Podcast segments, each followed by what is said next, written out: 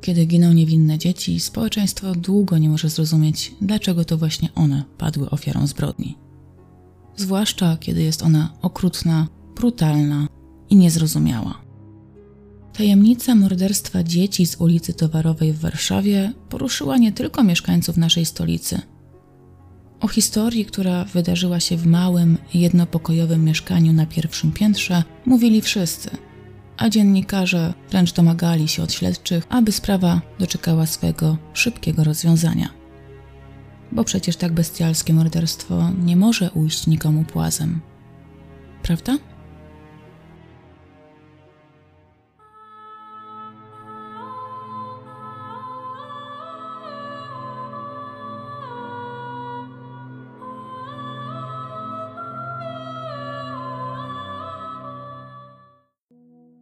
Małżeństwo Witkowskich, pomimo naprawdę trudnej sytuacji gospodarczej i społecznej, jaka dotykała wielu mieszkańców stolicy i całej Polski w tamtym trudnym okresie międzywojennym, radziło sobie dość dobrze. Nie wiadomo na ile tutaj możemy mówić o szczęściu, a na ile para została wynagrodzona za swoją ciężką i oddaną pracę.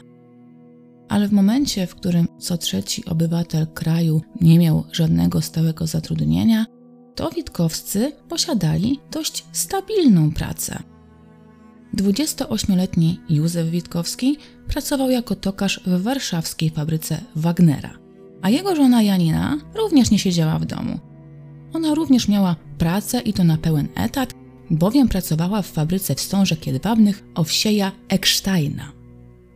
Małżonkowie wychodzili do pracy wcześnie rano, do domu wracając dopiero wieczorem ale dzięki temu nie musieli się martwić o swoją przyszłość i mieli dość stabilną sytuację finansową.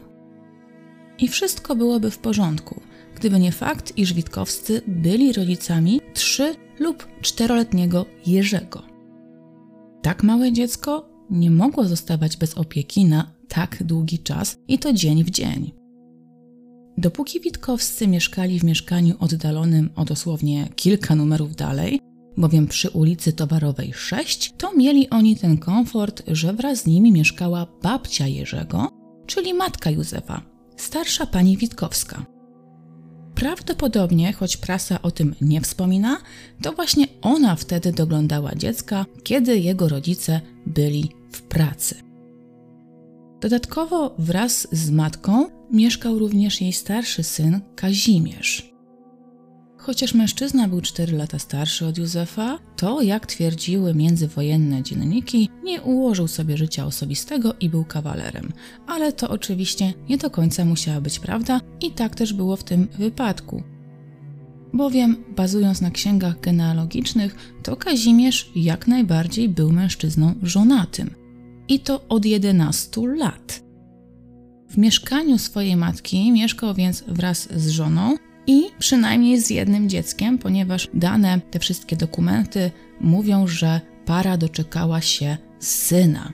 Mówię tutaj co najmniej, bo akurat strona, na której możemy odnaleźć informacje o obywatelach Warszawy, ma pewne braki, jeżeli chodzi o akty urodzeń. Niewykluczone więc, że tych dzieci małżeństwo Witkowskich, tego starszego Witkowskiego oczywiście, miało więcej. Tak więc w jednym mieszkaniu, nie wiadomo jak dużym, mieszkała starsza Witkowska, wdowa, jej starszy syn z żoną i przynajmniej jednym dzieckiem oraz jej młodszy syn z żoną i synkiem Jerzym. Raczej więc możemy przypuszczać, że w mieszkaniu zbyt wielkiej przestrzeni do życia nie było. Kim był Kazimierz i jakim był człowiekiem, to tutaj do końca nie wiadomo, bowiem oczywiście informacje na jego temat są różne, i wszystko zależało od tego, jaką narrację przyjął dany dziennik. Nie chcę Wam tutaj niczego sugerować, tak więc przedstawię Wam obie te wersje. Według jednych informacji to Kazimierz również pomagał swojemu bratu i szwagierce, zwłaszcza, że nie miał stałego miejsca zatrudnienia. Pracował dorywczo, tam gdzie akurat była praca. Miał więc sporo czasu wolnego i mógł rzucić okiem na swojego bratanka. Pomagała mu w tym również jego żona oraz syn, który miał już te swoje 11 lat. Ale według innych relacji to było wręcz odwrotnie. Co prawda, faktycznie Kazimierz miał problemy z pozyskaniem stabilnego zatrudnienia, ale nie było to jego główne zmartwienie. Mężczyzna miał zbyt często zaglądać do kieliszka. Alkohol niestety wywoływał u młodego mężczyzny stany agresywne. I co prawda Kazimierz nigdy nie ruszał rodziny brata i tego swojego wewnętrznego gniewu nie wyładowywał na szwagierce i małym Jurku, ale takiego szczęścia nie miała jego starsza matka oraz małżonka. Podobno 32-latek często wszczynał awantury, wyzywał swoją rodzicielkę, a nawet dochodziło pomiędzy nimi do rękoczynów. Oczywiście w dokładnie ten sam sposób traktował swoją ślubną. Spokoju więc w mieszkaniu przy ulicy Towarowej 6 nie było. Chociaż relacje między braćmi dawniej należały wręcz do wzorowych, a w roku 1927 Kazik był nawet świadkiem na ślubie Józefa z Janiną, tak wspólne mieszkanie pod jednym dachem i ta napięta relacja Kazimierza z matką miała doprowadzić do rozłamu pomiędzy rodzeństwem. Józef coraz częściej kłócił się ze starszym bratem, stając w obronie matki. Kazimierz z kolei zarzucał Józkowi, że ten niepotrzebnie wtrąca się w nie swoje sprawy i powinien pilnować swojej rodziny, a nie radzić jemu, co ma robić ze swoim życiem. Podobno też mężczyzna zazdrościł swojemu bratu tego, jak ten poradził sobie w swoim dorosłym życiu. Józef nie tylko miał własną rodzinę, ale również stabilną pracę, dobry dochód, czym też z kolei nie mógł poszczycić się sam Kazimierz. Nie wiadomo, czy żona Kazimierza pracowała, czy też to on musiał utrzymywać swoją rodzinę, ale prawdopodobnie można tutaj przypuszczać, że żona starszego z braci nie pracowała i zajmowała się domem. Życie Józefa i życie Kazimierza to były więc dwa zupełnie różne światy. W końcu Józef, nie chcąc psuć do końca swojej relacji z bratem, lub według zupełnie innych źródeł, był zmęczony pijaństwem Kazimierza, postanowił wyprowadzić się z rodziną na swoje. Miał ku temu niebywałą okazję, ponieważ dosłownie na tej samej ulicy, kilka numerów dalej, niejaka Aniela Skowrońska sprzedawała swoje mieszkanie. Co prawda nieruchomość nie była wyjątkowo wielka, zresztą w tamtych czasach raczej ciężko było o jakieś wielkie mieszkania. Było to po prostu jednopokojowe mieszkanko, które mieściło się na pierwszym piętrze kamienicy. Ale jak na standardy międzywojennej Warszawy, to naprawdę nie było tutaj na co narzekać. Prócz pokoju do mieszkania przynależała również mała kuchnia i przedsionek. Dla trzyosobowej rodziny były to wręcz luksusowe warunki. Przez cztery lata para żyła bardzo oszczędnie, dzięki czemu miała zgromadzone oszczędności, które wystarczyły im na zakup nieruchomości. Prawdopodobnie, bo jak to zwykle w opowiadanych przeze mnie historiach bywa, nie ma tutaj jednej stuprocentowo pewnej wersji i w niektórych dziennikach można z kolei przeczytać, że mieszkanie było przez Witkowskich jedynie wynajmowane. Ale nawet jeżeli tak było, to jakieś oszczędności i tak musieli oni mieć, chociażby na kaucję, która w tamtym okresie zazwyczaj była dość zaporowa. Miała ona zabezpieczać właścicieli przed nieuczciwymi lokatorami, a jej kwota zwykle wynosiła tyle, co 3 lub 4 miesiące najmu. Jeżeli jednak małżeństwo faktycznie kupiło to mieszkanie, bo takie informacje również się pojawiały, to dzienniki nawet donosiły, że był to koszt 800 zł. Skąd dziennikarze mieli dostęp do takich informacji, nie wiem. W każdym razie fakt jest taki, że w roku 1932, na początku tego roku, bowiem w styczniu, Witkowscy przeprowadzili się do mieszkania numer 32 przy ulicy Towarowej 10. Była to trzypiętrowa kamienica stojąca na takim skrzyżowaniu ulic Towarowej i Srebrnej i jej zdjęcie możecie właśnie oglądać w tle. Chociaż z jednej strony małżeństwo uzyskało tutaj większy spokój, ponieważ nie musiało się już gnieździć w mieszkaniu z co najmniej czwórką innych osób, nie musiało też oglądać scysji pijanego Kazimierza, to jednak pojawił się inny problem. No bo teraz para nie za bardzo miała co zrobić ze swoim trzyletnim synkiem. A jak przypominam, to zarówno matka, jak i ojciec małego Jurka pracowali na pełen etat. Nie było ich w domu całymi dniami. A z dzieckiem coś trzeba przecież było zrobić. Początkowo z pomocą parze małżeńskiej ruszyli sąsiedzi, którzy pilnowali lub doglądali chłopca, kiedy jego rodzice zarabiali na chleb. Ale wiadomo było, że takie rozwiązanie jest tylko tymczasowe. Witkowska musiała znaleźć jakieś inne wyjście z tej sytuacji. Nie mówię tutaj Witkowska, powiem niestety, no ale w tamtych czasach jednak opieka nad dzieckiem spoczywała na barkach kobiety. Zbyt wielu możliwości niestety Janina nie miała, no bo umówmy się, ale przedszkola nie były czymś tak powszechnym jak obecnie. I tutaj z pomocą przyszła dwunastoletnia siostra lub kuzynka Janiny, Jadwiga Kwiatkowska. Jadwiga była uczennicą piątego oddziału szkoły powszechnej. Nie wiadomo, czy była to świadoma decyzja dwunastolatki, czy też to była namowa jej matki, aczkolwiek Jadwiga zdecydowała się pomóc swoim krewnym. Dziewczyna uzyskała od dyrektora szkoły miesięczne zwolnienie z zajęć szkolnych. Dzięki temu Jadzia mogła zająć się małym Jurkiem, kiedy Witkowskich nie było w domu. W zamian za to otrzymywała wikt i opierunek. Czy małżeństwo dodatkowo płaciło dziewczynie za opiekę, tego niestety tutaj nie wiadomo. Być może w grę wchodziła tutaj po prostu bezinteresowna rodzinna pomoc, zwłaszcza jeżeli Jadwiga faktycznie była siostrą Janiny, a nie jej kuzynką. Jadwiga wprowadziła się do mieszkania Witkowskich, bo też nie było za bardzo sensu, żeby dziewczynka pojawiała się skoro świt i wracała do mieszkania swojej matki późnym wieczorem. Dzięki temu zawsze była pod ręką, a mały Jerzy miał zapewnioną opiekę. Matka Jadwigi, Julia Kwiatkowska, nie wyrażała tutaj żadnego sprzeciwu, a wręcz ona również starała się w ciągu dnia zaglądać do mieszkania Witkowskich. Prawdopodobnie bowiem też pojawiła się wersja, że kobieta po prostu zamieszkała ze swoją niepełnoletnią córką, tylko też jej nie było w ciągu dnia, no bo oczywiście kobieta również pracowała. Jak było, nie wiadomo, natomiast ważne tutaj jest to, że te dzieci codziennie w mieszkaniu były same. Ale to też nie było tak, że nikt się nimi nie interesował, bo na przykład codziennie, gdzieś w okolicy południa, do mieszkania starał się zaglądać 16-letni brat Jadzi, który tak samo jak brat jego szwagra miał na imię Kazimierz. Jego zdjęcie możecie oglądać w tle materiału. Jest to ten niższy młodzieniec stojący po lewej stronie. Dwunastolatka nie była więc pozostawiona sama sobie i chociaż miała pod opieką małe dziecko, to mogła liczyć na pomoc najbliższych. Chociaż dwunastoletnia dziewczynka zajmująca się przez 10 czy 12 godzin z rzędu kilkuletnim berbeciem, to też, umówmy się, ale w tamtych czasach nie było nic nadzwyczajnego. Wyprowadzka okazała się być pomysłem trafionym. Wszystko powoli układało się po myśli Witkowskich.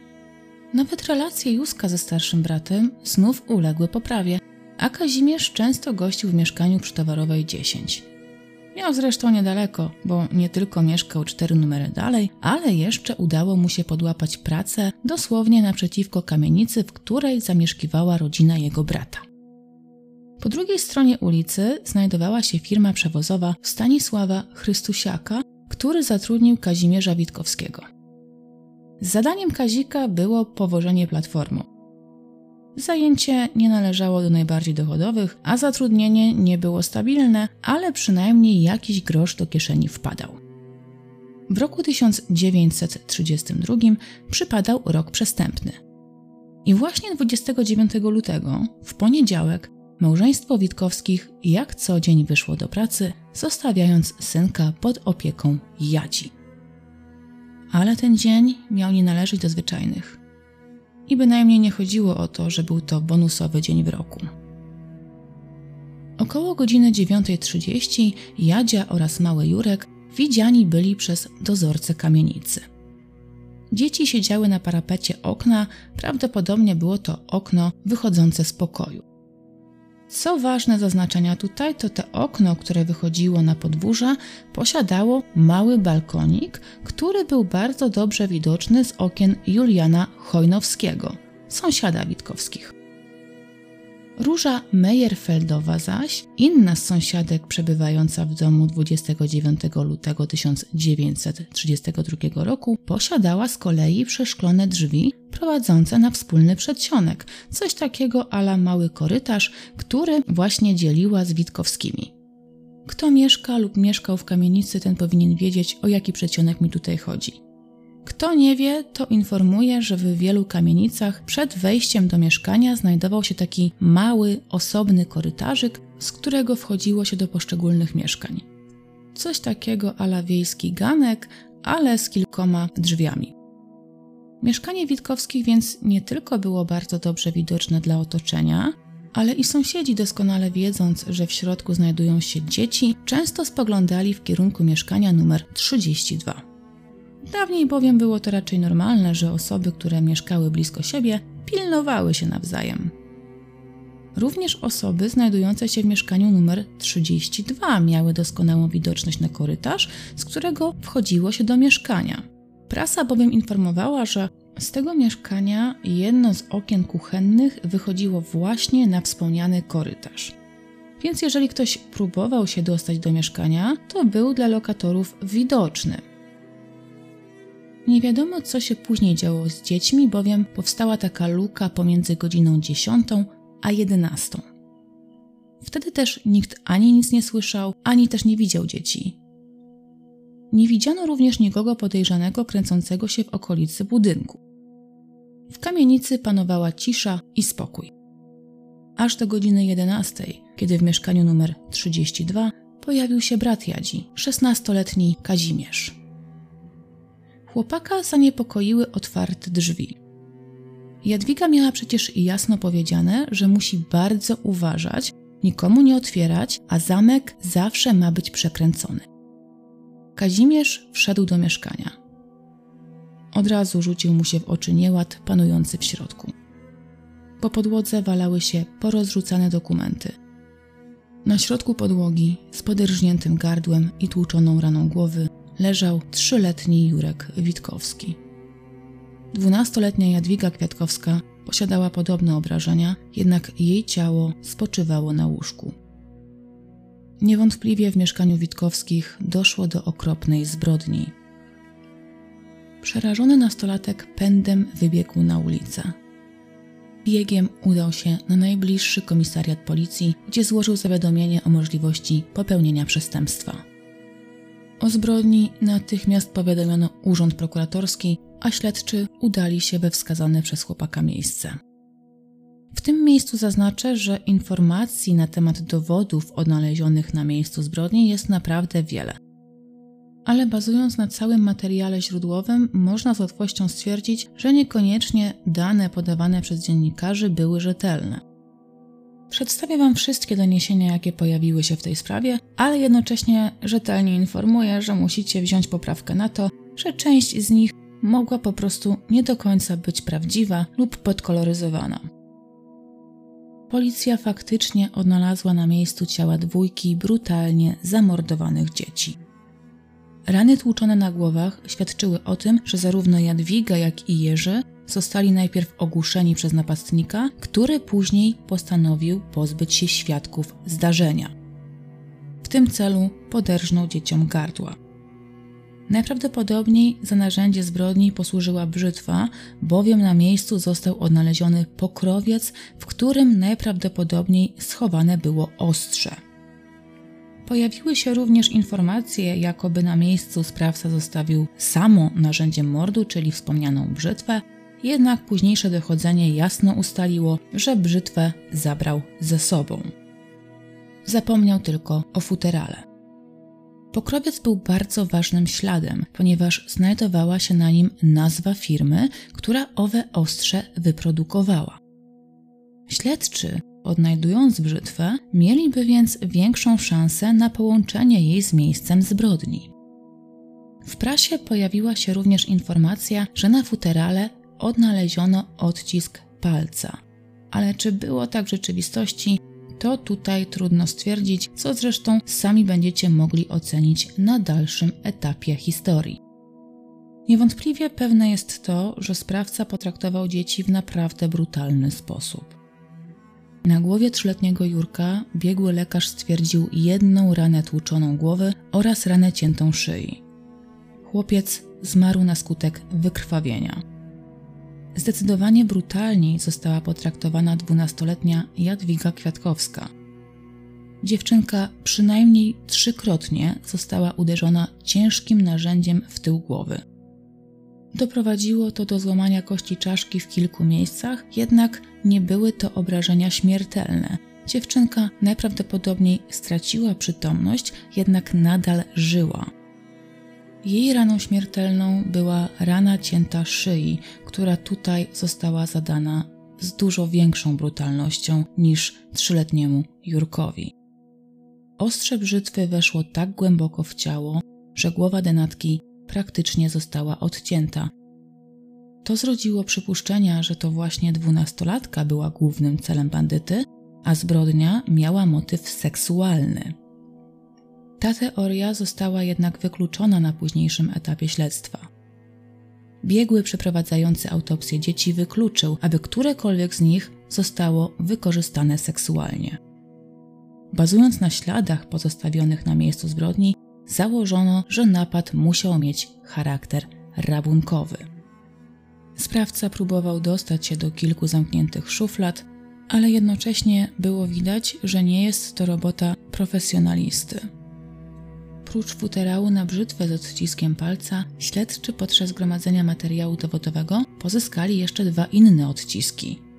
Jeden z nich został ściągnięty z szafy lub szuflady, które sprawca przeszukiwał, najprawdopodobniej szukając pieniędzy lub innych cennych przedmiotów, a drugi z kolei znajdował się na kuble z wodą stojącym w kuchni.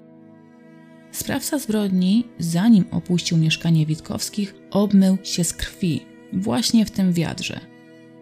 Świadczyły o tym krwawe ślady odnalezione w kuchni oraz woda widocznie zabarwiona czerwienią. Józef oraz Janina Witkowscy pojawili się na miejscu tragedii już w południe, bo oczywiście od razu zostali powiadomieni o tym tragicznym wydarzeniu. Według pierwszych relacji, które przedostały do prasy, zaobserwowali oni brak biżuterii o łącznej wartości 500 zł, kilku książeczek oszczędnościowych, na których zgromadzona była kwota 150 zł oraz 115 zł w gotówce. W rzeczywistości łup bandyty lub bandytów, bo tutaj oczywiście nie wiadomo ile osób napadło na mieszkanie, był zdecydowanie mniej wartościowy. Co prawda sprawca zabrał ze sobą kilka sztuk biżuterii, jednak jak się okazało, była to biżuteria, która nie miała jakiejś większej wartości. Jego łupem padła też puszka, czy też taka skarbonka z oszczędnościami rodziny, w której znajdowała się kwota 35 zł. Sprawca ewidentnie działał w bardzo dużym pośpiechu. Widać było, że nie wszystkie szafy zostały wyłamane, a on działał bardzo, bardzo szybko. To też rodziło takie przypuszczenia, że albo on został spłoszony, albo bał się nakrycia na gorącym uczynku.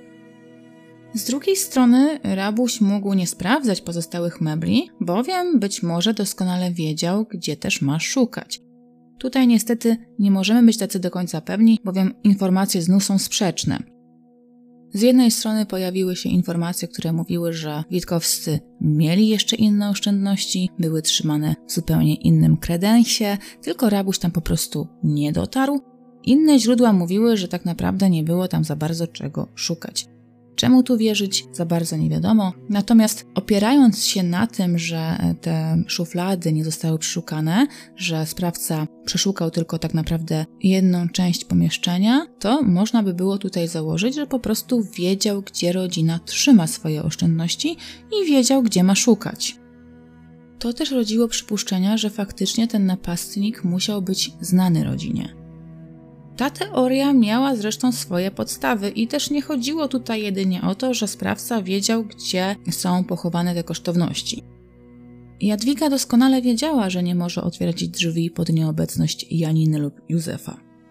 Miała przykazane, by dla swojego bezpieczeństwa nie wdawać się w rozmowę z nieznajomym, a najlepiej w ogóle nie podchodzić do drzwi.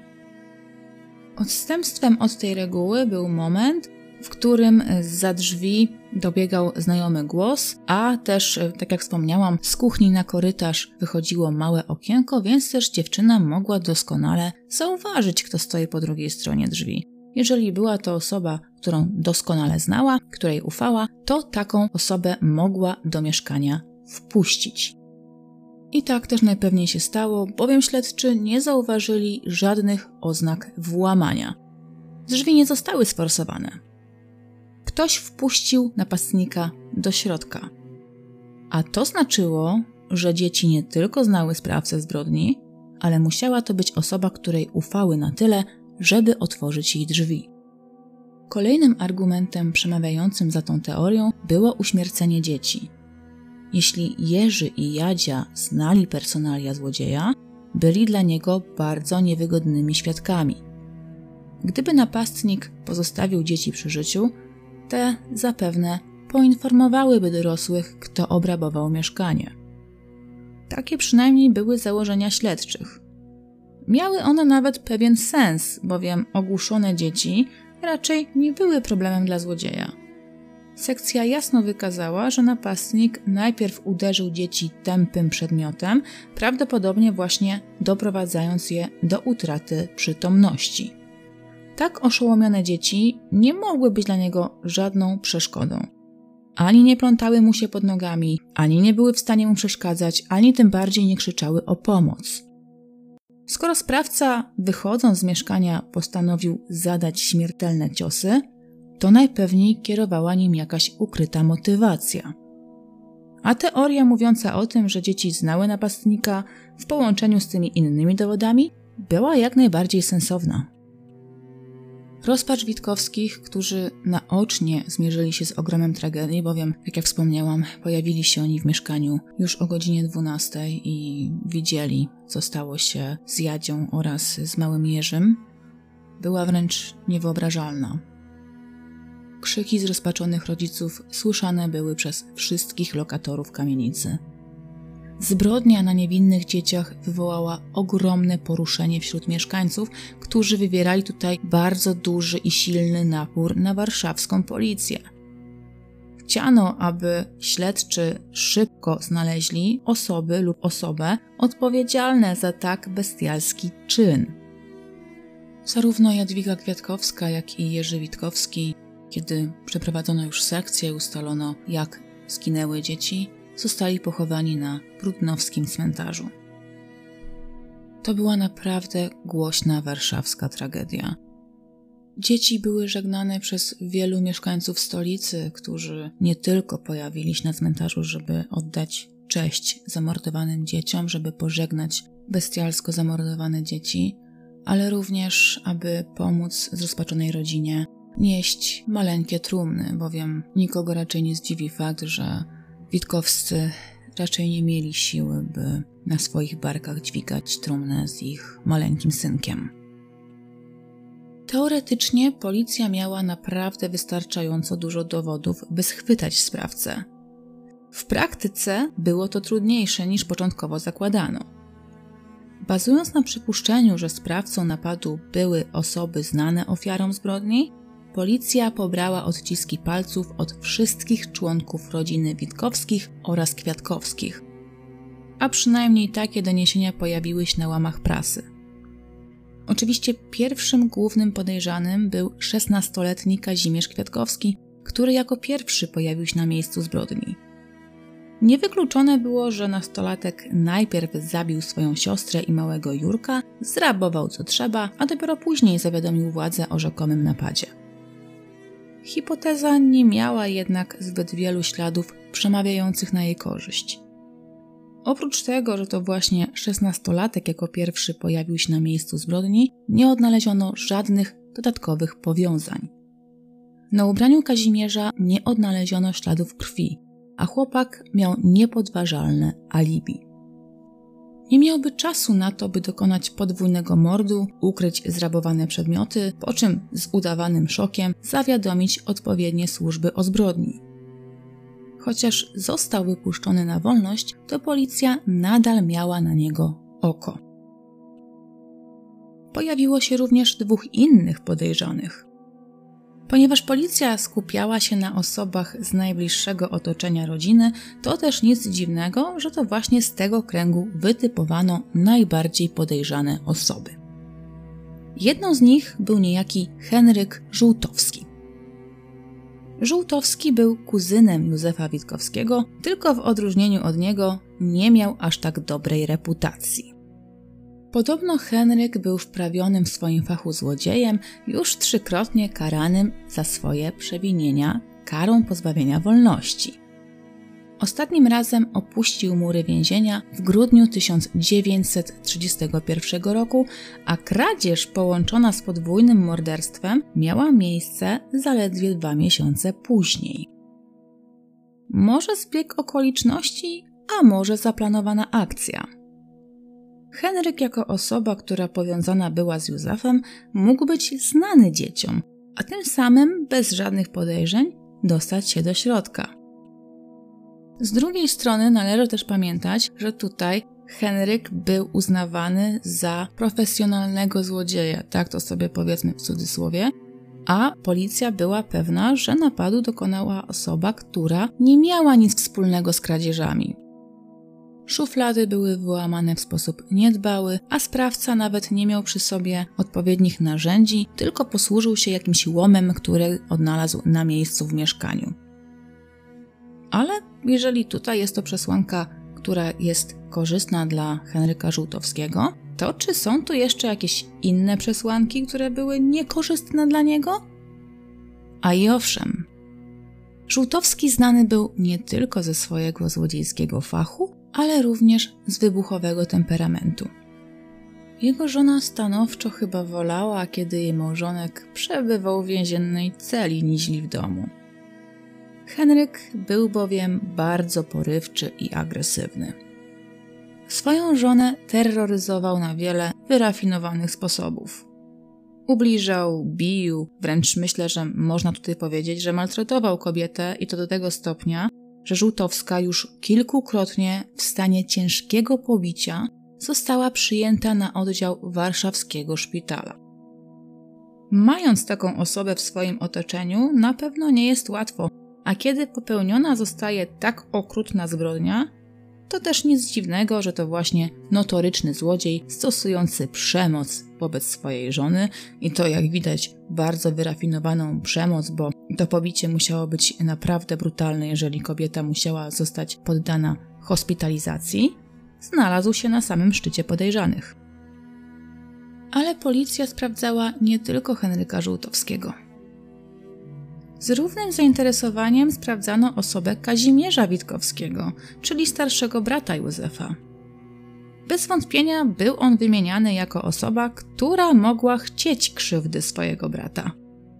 I tutaj nawet już nie chodziło o konflikt, jaki pomiędzy tą dwójką wyniknął na tle rodzinnym, ale o to, iż Kazimierz miał zazdrościć swojemu bratu. I to nie tylko poukładanego życia osobistego, ale również bogactwa. Ten wątek na moje oko został nieco rozdmuchany, bowiem z Witkowskich to żadni bogacze jednak nie byli. Ale według osób forsujących te teorie, to w oczach bezrobotnego Kazimierza jego brat wraz ze swoją małżonką faktycznie mogli wyglądać na osoby majętne. Oboje pracowali, mieli wystarczająco dużo pieniędzy, by kupić własne mieszkanie oraz odkładali nadwyżkę finansową na książeczkę oszczędnościową. I kto wie, czy czasem nie mieli pochowanych po kątach jakichś innych cennych przedmiotów. To właśnie dlatego Kazimierz miał w ostatnich tygodniach ocieplić swoją relację z bratem. Jego częste odwiedziny w mieszkaniu przy Towarowej 10 nie były jedynie nagłym wybuchem braterskiej miłości. Kazimierz najpewniej chciał po prostu wybadać teren i sprawdzić, gdzie Witkowscy chowają oszczędności.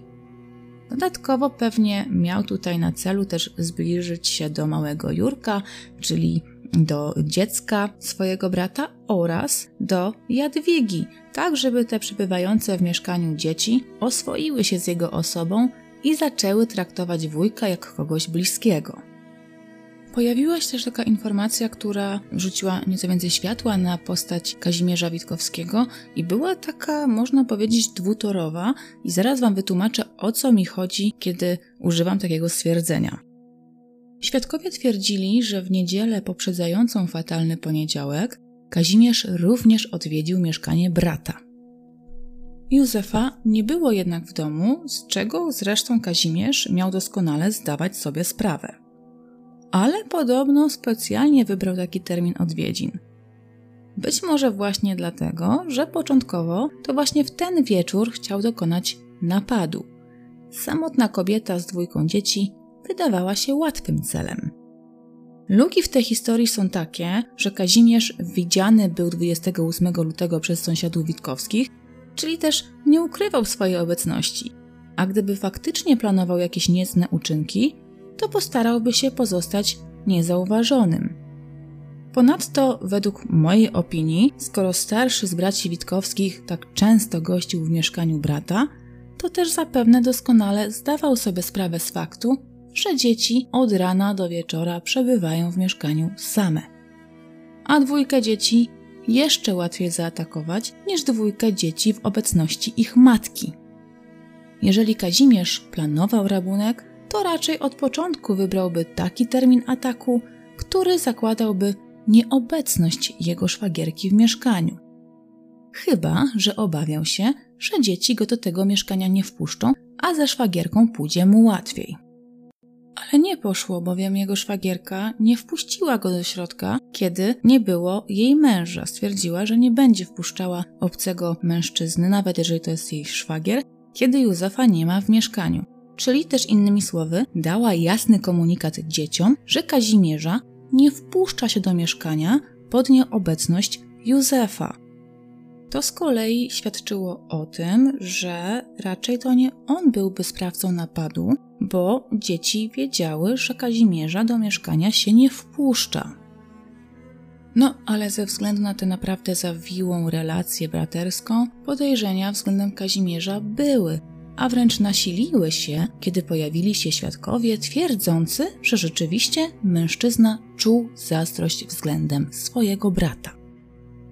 Kazik miał w towarzystwie swoich przyjaciół i znajomych dość sarkastycznie wypowiadać się o Józefie i z widocznym gniewem nazywał Witkowskich bogaczami. Było widać, że taka sytuacja zdecydowanie nie jest mu na rękę. Niewykluczone więc, że postanowił przygarnąć sobie rzekome bogactwa brata, a przy okazji zniszczyć jego idealne życie, mordując jego jedyne dziecko. Nie można było wykluczyć takiej opcji, zwłaszcza, że jeżeli wierzyć tutaj doniesieniom, to Kazimierz, tak jak wspomniałam Wam nieco wcześniej, miał problemy z alkoholem, po którym robił się narwany i agresywny. Ale ta teoria zakładająca, że to właśnie Kazimierz zamordował dwójkę dzieci, miała jednak jedną wielką dziurę. Na czas morderstwa Kazimierz miał alibi. Był wtedy w pracy ale śledczych ten argument kompletnie nie przekonywał.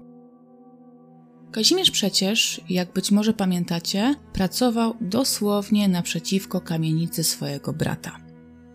Mógł więc spokojnie opuścić stanowisko niezauważony, wejść do mieszkania, zabrać to trzeba i prędko wrócić do pracy, co też by tutaj tłumaczyło ten pośpiech złodzieja.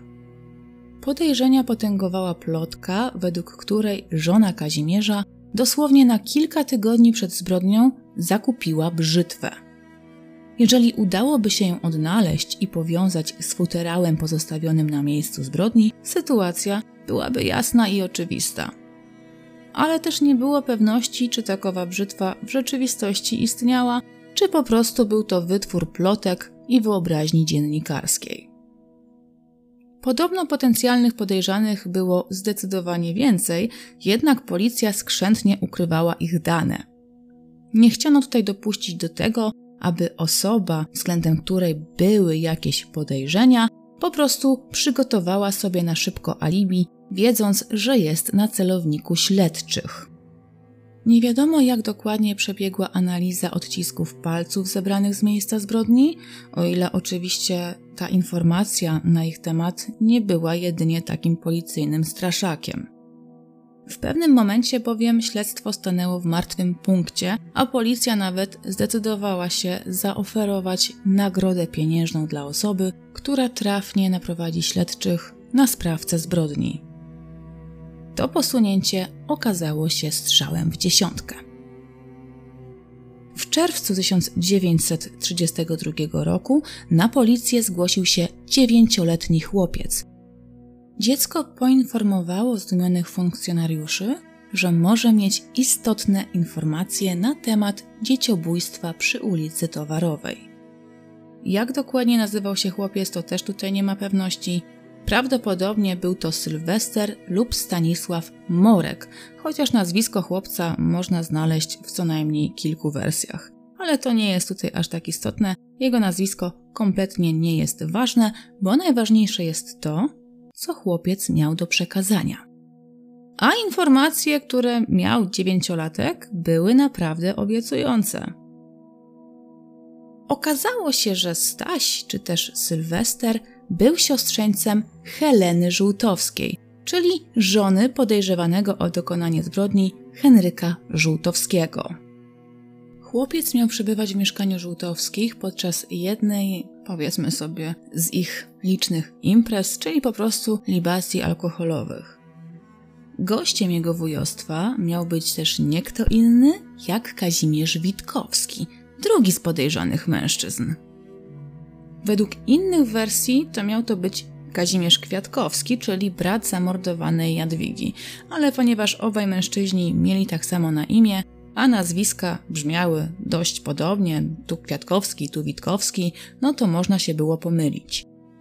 Najprawdopodobniej jednak chodziło tutaj o brata Józefa Witkowskiego, czyli o Kazimierza Witkowskiego, bowiem po pierwsze, tak jak wspomniałam wcześniej, to Witkowscy byli rodziną z Żółtowskimi, więc mieli szansę się spotkać. A po drugie, to też bardziej wydaje mi się, że jednak jeżeli chodzi o libację alkoholową, to starszy mężczyzna, dorosły mężczyzna, jednak chyba spożywałby alkohol w towarzystwie innego dorosłego mężczyzny, a nie szesnastolatka. Oczywiście nie jest to wykluczone, bo i takie osoby w tym wieku sięgają po alkohol, zwłaszcza w tamtych czasach, ale jednak ta wersja z Witkowskim trzyma się bardziej kupy. Ale co takiego stało się podczas tej libacji, że mały Staś postanowił poinformować o tym wszystkim policjantów? Kazimierz i Henryk mieli wychylić kilka kieliszków za dużo i wtedy rozwiązał im się język. Panowie zupełnie nie zwracali uwagi na fakt, że w mieszkaniu wraz z nimi znajduje się dziewięcioletni Staś.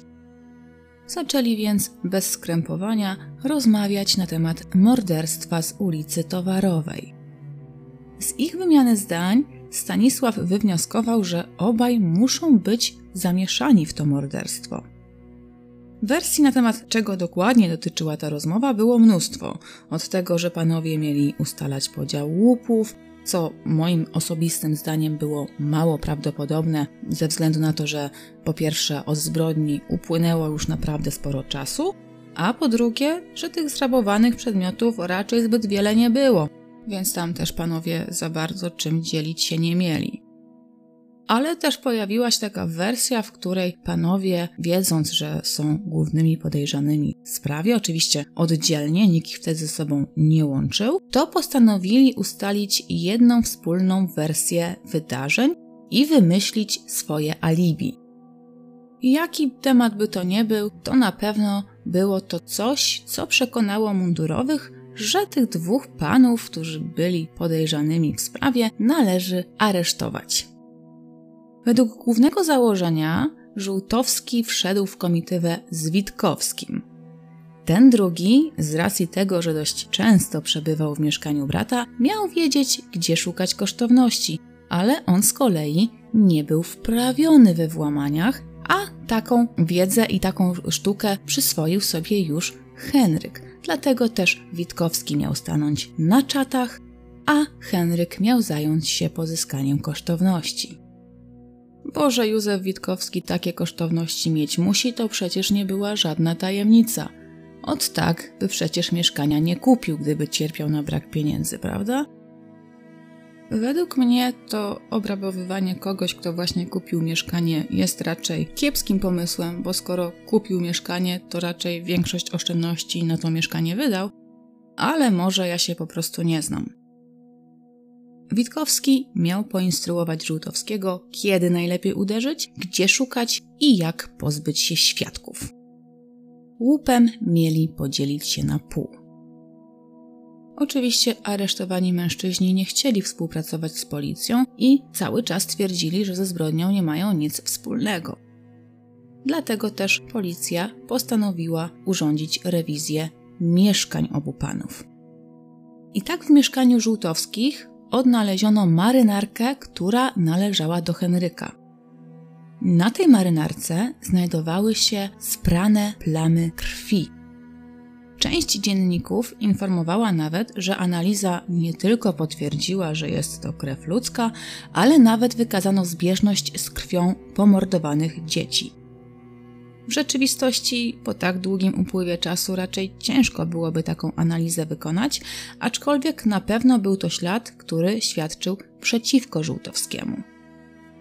Henryk co prawda wykazywał alibi, jednak śledczy nie mogli w 100% go potwierdzić. A pozostali aresztowani, bo oprócz Kazimierza i Henryka aresztowano również żonę Żółtowskiego oraz jakiegoś jeszcze jednego mężczyznę, który tutaj wcześniej kompletnie się nie pojawiał, podobno mieli złożyć obciążające Żółtowskiego zeznania. Podobno, bowiem jak się wkrótce okazało, to śledczy nie świętowali swojego sukcesu zbyt długo. Policja dokładnie zbadała rewelacje przedstawione im przez dziewięcioletniego świadka. Gdzieś nawet pojawiła się informacja, że o prawdomówności chłopca miała tutaj poświadczyć praczka, która również pracowała w mieszkaniu Żółtowskich i ona też przy tej wspomnianej rozmowie Kazimierza z Henrykiem była. Prawdopodobnie jednak kobieta wcale nie istniała i została tylko stworzona przez dziennikarzy na potrzebę tej historii. Cała intryga, jak się okazało, została zapoczątkowana przez ojca dziewięcioletniego Sylwestra Morka.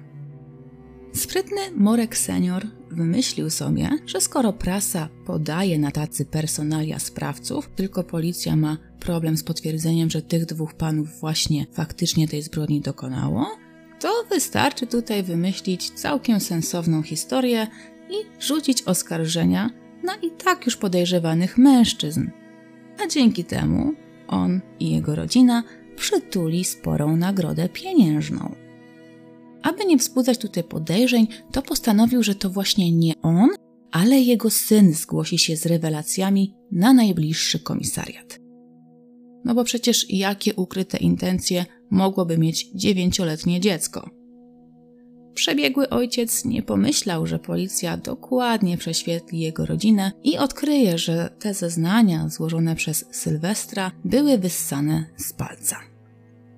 Tym samym, jak widzicie, podawanie dokładnych danych osób, które były zamieszane w głośne sprawy morderstwa, czasami były wykorzystywane do niecnych celów. Tutaj na szczęście szybko zweryfikowano te oskarżenia ale ile było przypadków, w których za murami więziennymi znalazł się niewinny człowiek, to już zupełnie inna bajka. Zatrzymani zostali zwolnieni z aresztu, za to na ich miejsce trafił Morek. Morek senior oczywiście, ponieważ dziecko nie zostało ukarane. Morek nie tylko się nie wzbogacił, ale teraz również czekał na sprawę karną. Jeżeli więc oskarżenia rzucone przez młodego Morka były wyssane z palca i to nie Żółtowski w zmowie z Witkowskim zabił dzieci z ulicy Towarowej, to kto?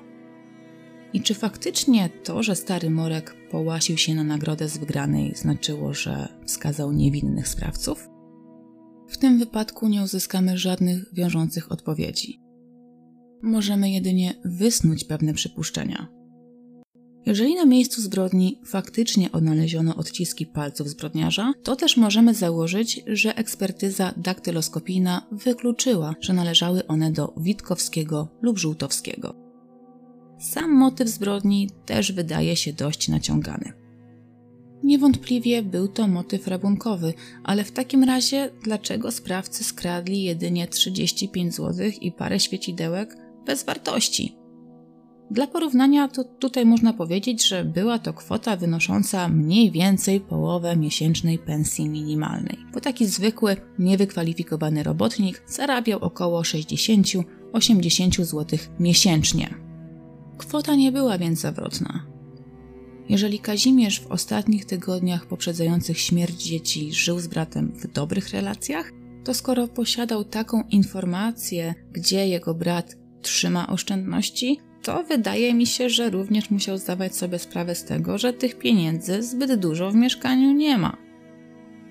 Dodatkowo Żółtowski był co prawda spokrewniony z Witkowskim, ale było to pokrewieństwo niezbyt bliskie. Jadwiga, krewna Janiny, nawet jeżeli kojarzyła Żółtowskiego, to raczej nie wpuściłaby go do mieszkania pod nieobecność dorosłych. Miała przykaz, by otwierać drzwi tylko osobom bardzo dobrze znanym. A Żółtowski do takich nie należał. Czy otworzyłaby drzwi Witkowskiemu? To jest również mało prawdopodobne.